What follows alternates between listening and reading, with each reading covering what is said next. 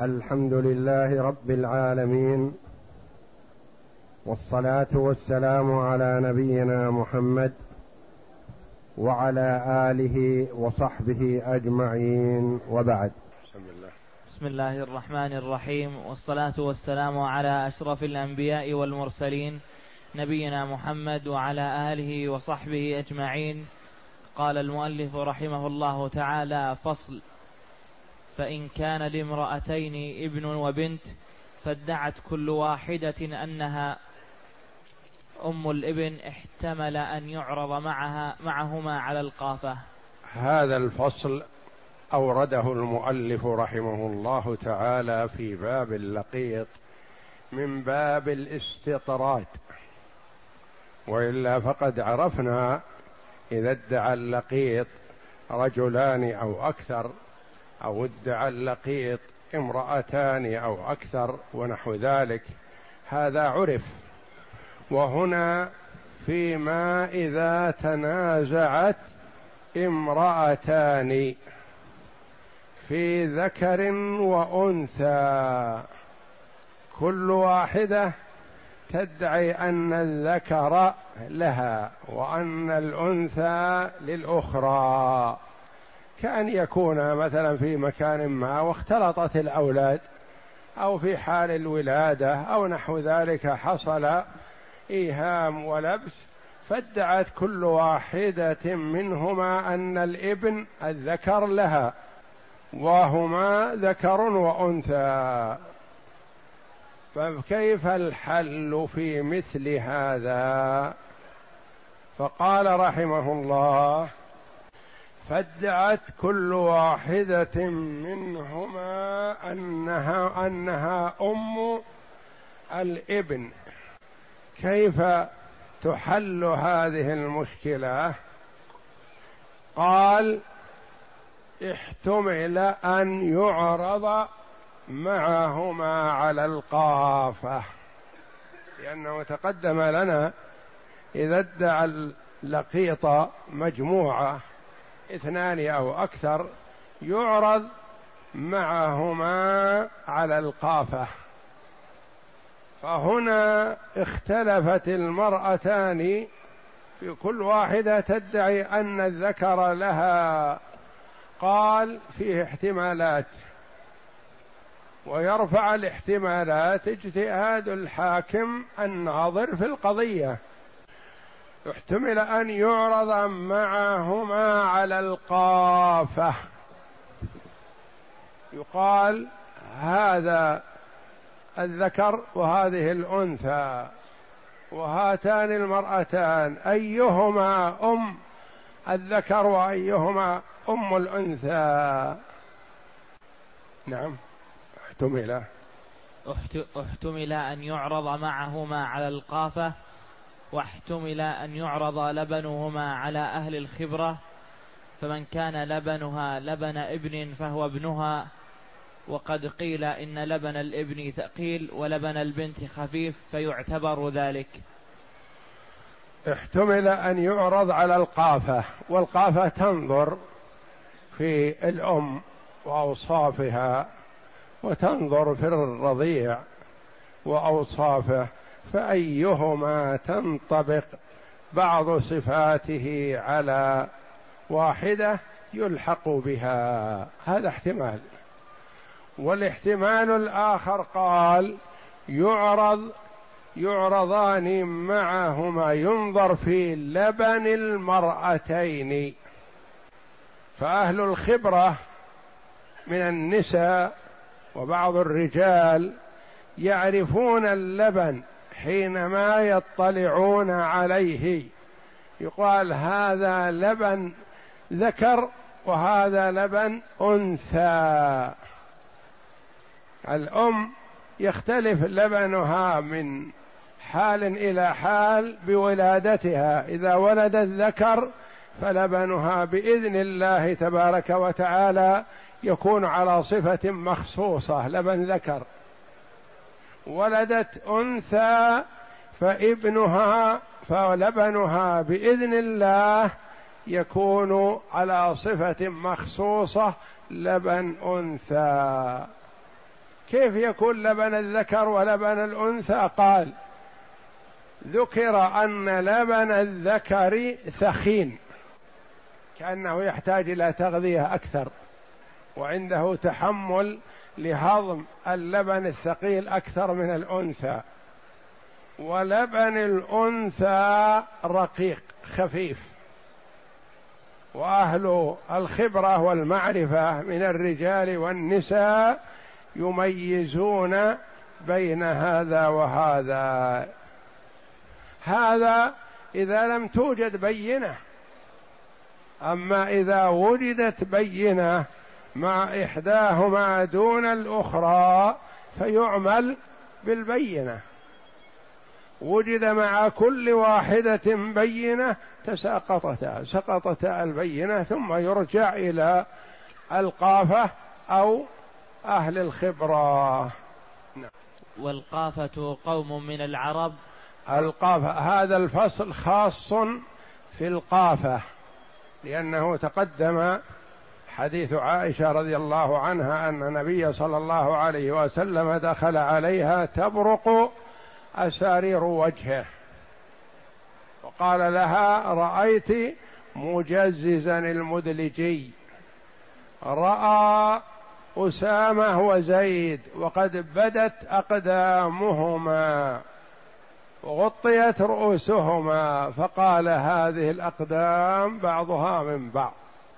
فسر النبي صلى الله عليه وسلم بهذا لأن أقدام زيد بيضاء وأقدام أسامة سوداء. فالعارف القافة الرجل المدرك قال هذه الأقدام مع اختلاف لونها بعضها من بعض. فسر النبي صلى الله عليه وسلم بهذا لأن الكفار والمنافقين يتهمون ويرمون زيد بأن هذا الابن ليس ابنه لأن زيد عربي أبيض. وأسامة رضي الله عنهما أسمر وأسود. قالوا كيف يكون هذا ولد هذا؟ ومجزز المدلجي رأى الأقدام وقد تغطت الوجوه والرؤوس. ما يعرف أن هذا زيد وهذا أسامة وإنما رأى الأقدام فقط. وإلا زيد وأسامة معروفون لكن ما رأى الوجوه وإنما رأى الأقدام. قصر عنها الغطاء فبدت فقال هذه الأقدام بعضها من بعض. فسر النبي صلى الله عليه وسلم فسرور النبي صلى الله عليه وسلم بهذا يدل على أن قول القافة له اعتبار يعتد به. ثم هل القافة شاهد أم القافة حاكم؟ قولان للعلماء. عند من يقول هو شاهد يقول لابد من اثنين. وعند من يقول هو حاكم يقول يكفي فيه واحد. يعني ملحق بهذا ملحق بهذا. ثم كيف العرض على القافة؟ هل يقال له مثلا هذا ولد هذا؟ لا. يختبر ويعرف حتى يميز. ما يمكن أن يقبل قوله بمجرد ما يقول ماذا تقول في هذا وهذا؟ يبين المؤلف رحمه الله أنه أول شيء الاختبار يعرض مع عشرة ليس فيهم من يدعيه. ينظر إن ألحقه بواحد من هؤلاء العشرة غير المدعين له بطل قوله. ثم ينظر بينه وبين عشرين من ضمنهم المدعي. فإن ألحقه بواحد من العشرين عرف أنه بصير ويعرف ممن ادعاه. وإن ارتبك بطل قوله ولا يعتد به. نعم والقافة. والقافة قوم من العرب. عرفت منهم منهم الإصابة في معرفة الأنساب واشتهر ذلك في بني مدلج رهط مجزز وسراقة بن, ابن مالك ابن خشعم ابن جشعم جعشم. ابن جعشم. ابن جعشم. المدلجي رضي الله عنه. ولا يقبل قول واشتهر هذا هذا قوم من العرب.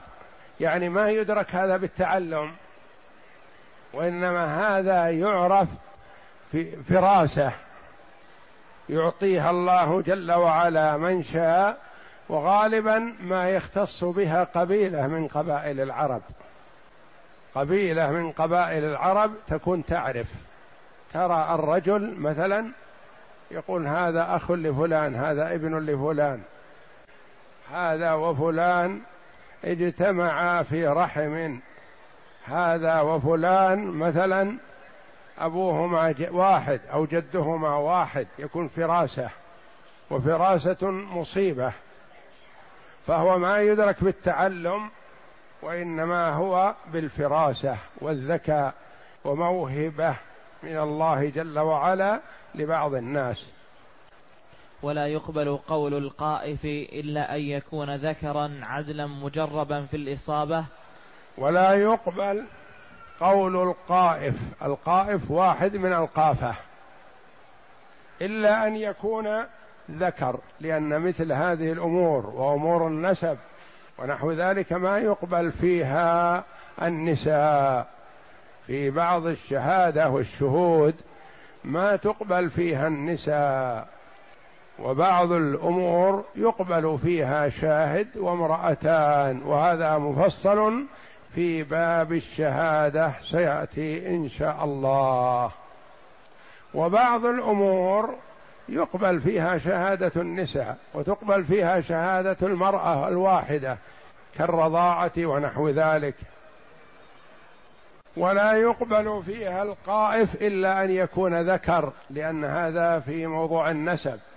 موضوع النسب ما تقبل فيه النساء. عدلا غير العدل ما يقبل فيه شيء. إن الفسق يبعده عن كل خير ويدنيه من كل شر والعياذ بالله. والفاسق ما هو مؤتمن على شيء. حتى إن الفاسق تنزع منه ولايته على أولاده من بنين وبنات. ولا يزوج بناته. ومولياته أصلا إلا باستقامته وعدله. أما إذا فاسق فاسق لا.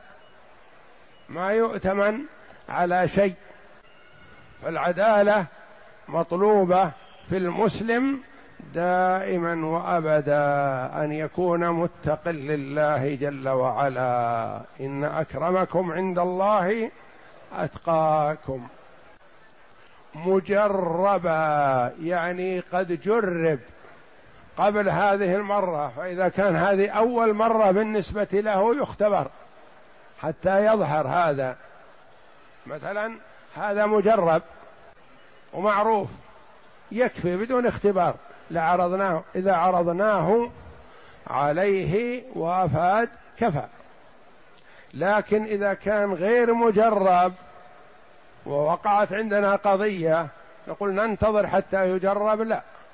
نجري عليه اختبار بحالة تميز أنه يعرف أو لا يعرف. مجربا في الإصابة مثل من قال بالنسبة لزيد وأسامة رضي الله عنهما على هذه الأقدام بعضها من بعض مع تفاوتها في الشكل وهو صادق في هذا. نعم. لأن ذلك يجري مجرى الحكم فاعتبر ذلك فيه. قال القاضي لأن ذلك يجري مجرى الحكم. فالفاسق ما يصلح حاكم والمرأة ما تصلح حاكمة وغير المجرب في الأمور هذه ما يصلح حاكم لأنه يحكم فيما اشتهر عنه من تجربة ومعرفة. فلا بد من هذه الصفات. فاعتبر فيه الذكورية والعدالة والتجربة في الإصابة. قال القاضي يترك الغلام مع عشرة غير مدعيه ويرى القائف ويرى القائف فإن ألحقه بأحدهم سقط قوله وإن نفاه عنهم جعلناه مع عشرين فيهم مدعيه فإن ألحقهم ألحقه بمدعيه علمت إصابته. هذه طريقة من طريقة الاختبار وصفة من صفات الاختبار. مثلا عندنا هذا يدعي انه يعرف وما جربنا اصابته حتى نقبل منه. فما يمكن ان نقبل منه بدون اختبار. نختبره يقول القاضي ابو يعلى رحمه الله من ائمة الحنابلة يعرض على القائف الغلام مع عشرة من الرجال ما فيهم من يدعيه. أجانب عنه. فإن ألحقه بواحد من العشرة عرفنا أنه غير مصيب. فإن نفاه عنهم قال لا هؤلاء كلهم ليس اللقيط لهم. عرفنا تقريبا أن عنده شيء من الإدراك. إذا نسبه إليهم عرفنا خطأه. ما نسبه إلى واحد من العشرة قال لا كلهم ليس لهم. عرضناه اللقيط مع عشرين فيهم من يدعيه. والغالب أن من يصيب في هذه يكون مصيبا. إذا ألحقه بواحد من العشرين ما يدري أيهم يدعيه. وقال هذا اللقيط لهذا. عرفنا إصابته فألحقناه به. وإن ألحقه بغير مدعيه عرفنا خطأه أنه مخطئ. وهل يكتفى بواحد فيه وجهان؟ وهل يكتفى بواحد أم نقول نبي نريد اثنين ثلاثة من القبيلة هذا أو واحد من هذه القبيلة واحد من قبيلة أخرى يجتمعان ويقرران ذلك؟ يقول فيه وجهان. عند من يقول القائف بمنزلة الحاكم. يقول يكفي واحد. لأنه ما يطلب في الحكام أن يحكم في كل قضية مثلا اثنان وإنما واحد. وعند من يقول إن القائف منزلة شاهد فالشاهد ما يكفي فيه شاهد واحد. عند من يقول القائف منزلة حاكم نريد اثنين. نقول الحاكم الأصل في واحد. قال لا الحاكم في الأمور الشرعية والعلمية واللي تعتمد على الدليل من الكتاب والسنة واجتهاد العلماء لكن الحكم هذا اللي يحتاج إلى خبرة ومعرفة نريد اثنين. واستدل بالقرآن. أين موطن استدلاله يحكم به ذوى عدل منكم. في المثل في الطير في الحيوان في الصيد. إذا قتل المحرم صيدا أو قتل الحلال صيدا في الحرم فإن كان له مثل جاء في السنة يؤخذ به ولا يلتفت إلى سواه. إن كان قد حكم به حكم به في وقت الصحابة فعلى العين والرأس. يؤخذ بهذا ولا يلتفت إلى سواه. لكن طائر جاءنا جديد في منطقة مكة. جاي على ما يقولون مهاجر. ما له مثيل من طيور مكة. وقتله إنسان في مكة. أو خارج مكة قتله محرم. كيف تقدر يقدر جزاء هذا الصيد ينظر في اثنين من الخيار من أهل العدل يحكمان فيه. يقولون هذا يشبه كذا ففيه كذا. يقول أنا أعتبر القائف مثل هؤلاء. القائف ما هو بيحكم بموجب دليل أو كتاب أو سنة وإنما إدراك وذكاء وبصيرة فأنا ألحقه بمن يحكم بالطير أو الصيد لابد اثنين. الله جل وعلا قال يحكم به ذوى عدل منكم هديا بالغ الكعبة أو كفارة. الآية. وهل يكتفى؟ وهل يكتفى بواحد فيه وجهان؟ أحدهما يكتفى به لأن النبي صلى الله عليه وسلم سر بقول مجزز وحده ولأنه بمنزلة الحاكم يجتهد ويحكم كما يجتهد الحاكم ويحكم. الثاني لا يقبل إلا اثنان لأنه حكم بالشبه والخلقة فلا يقبل من واحد كالحكم بالمثل في جزاء الصيد. الثاني لا يقبل قول الثاني أنه لابد من اثنين.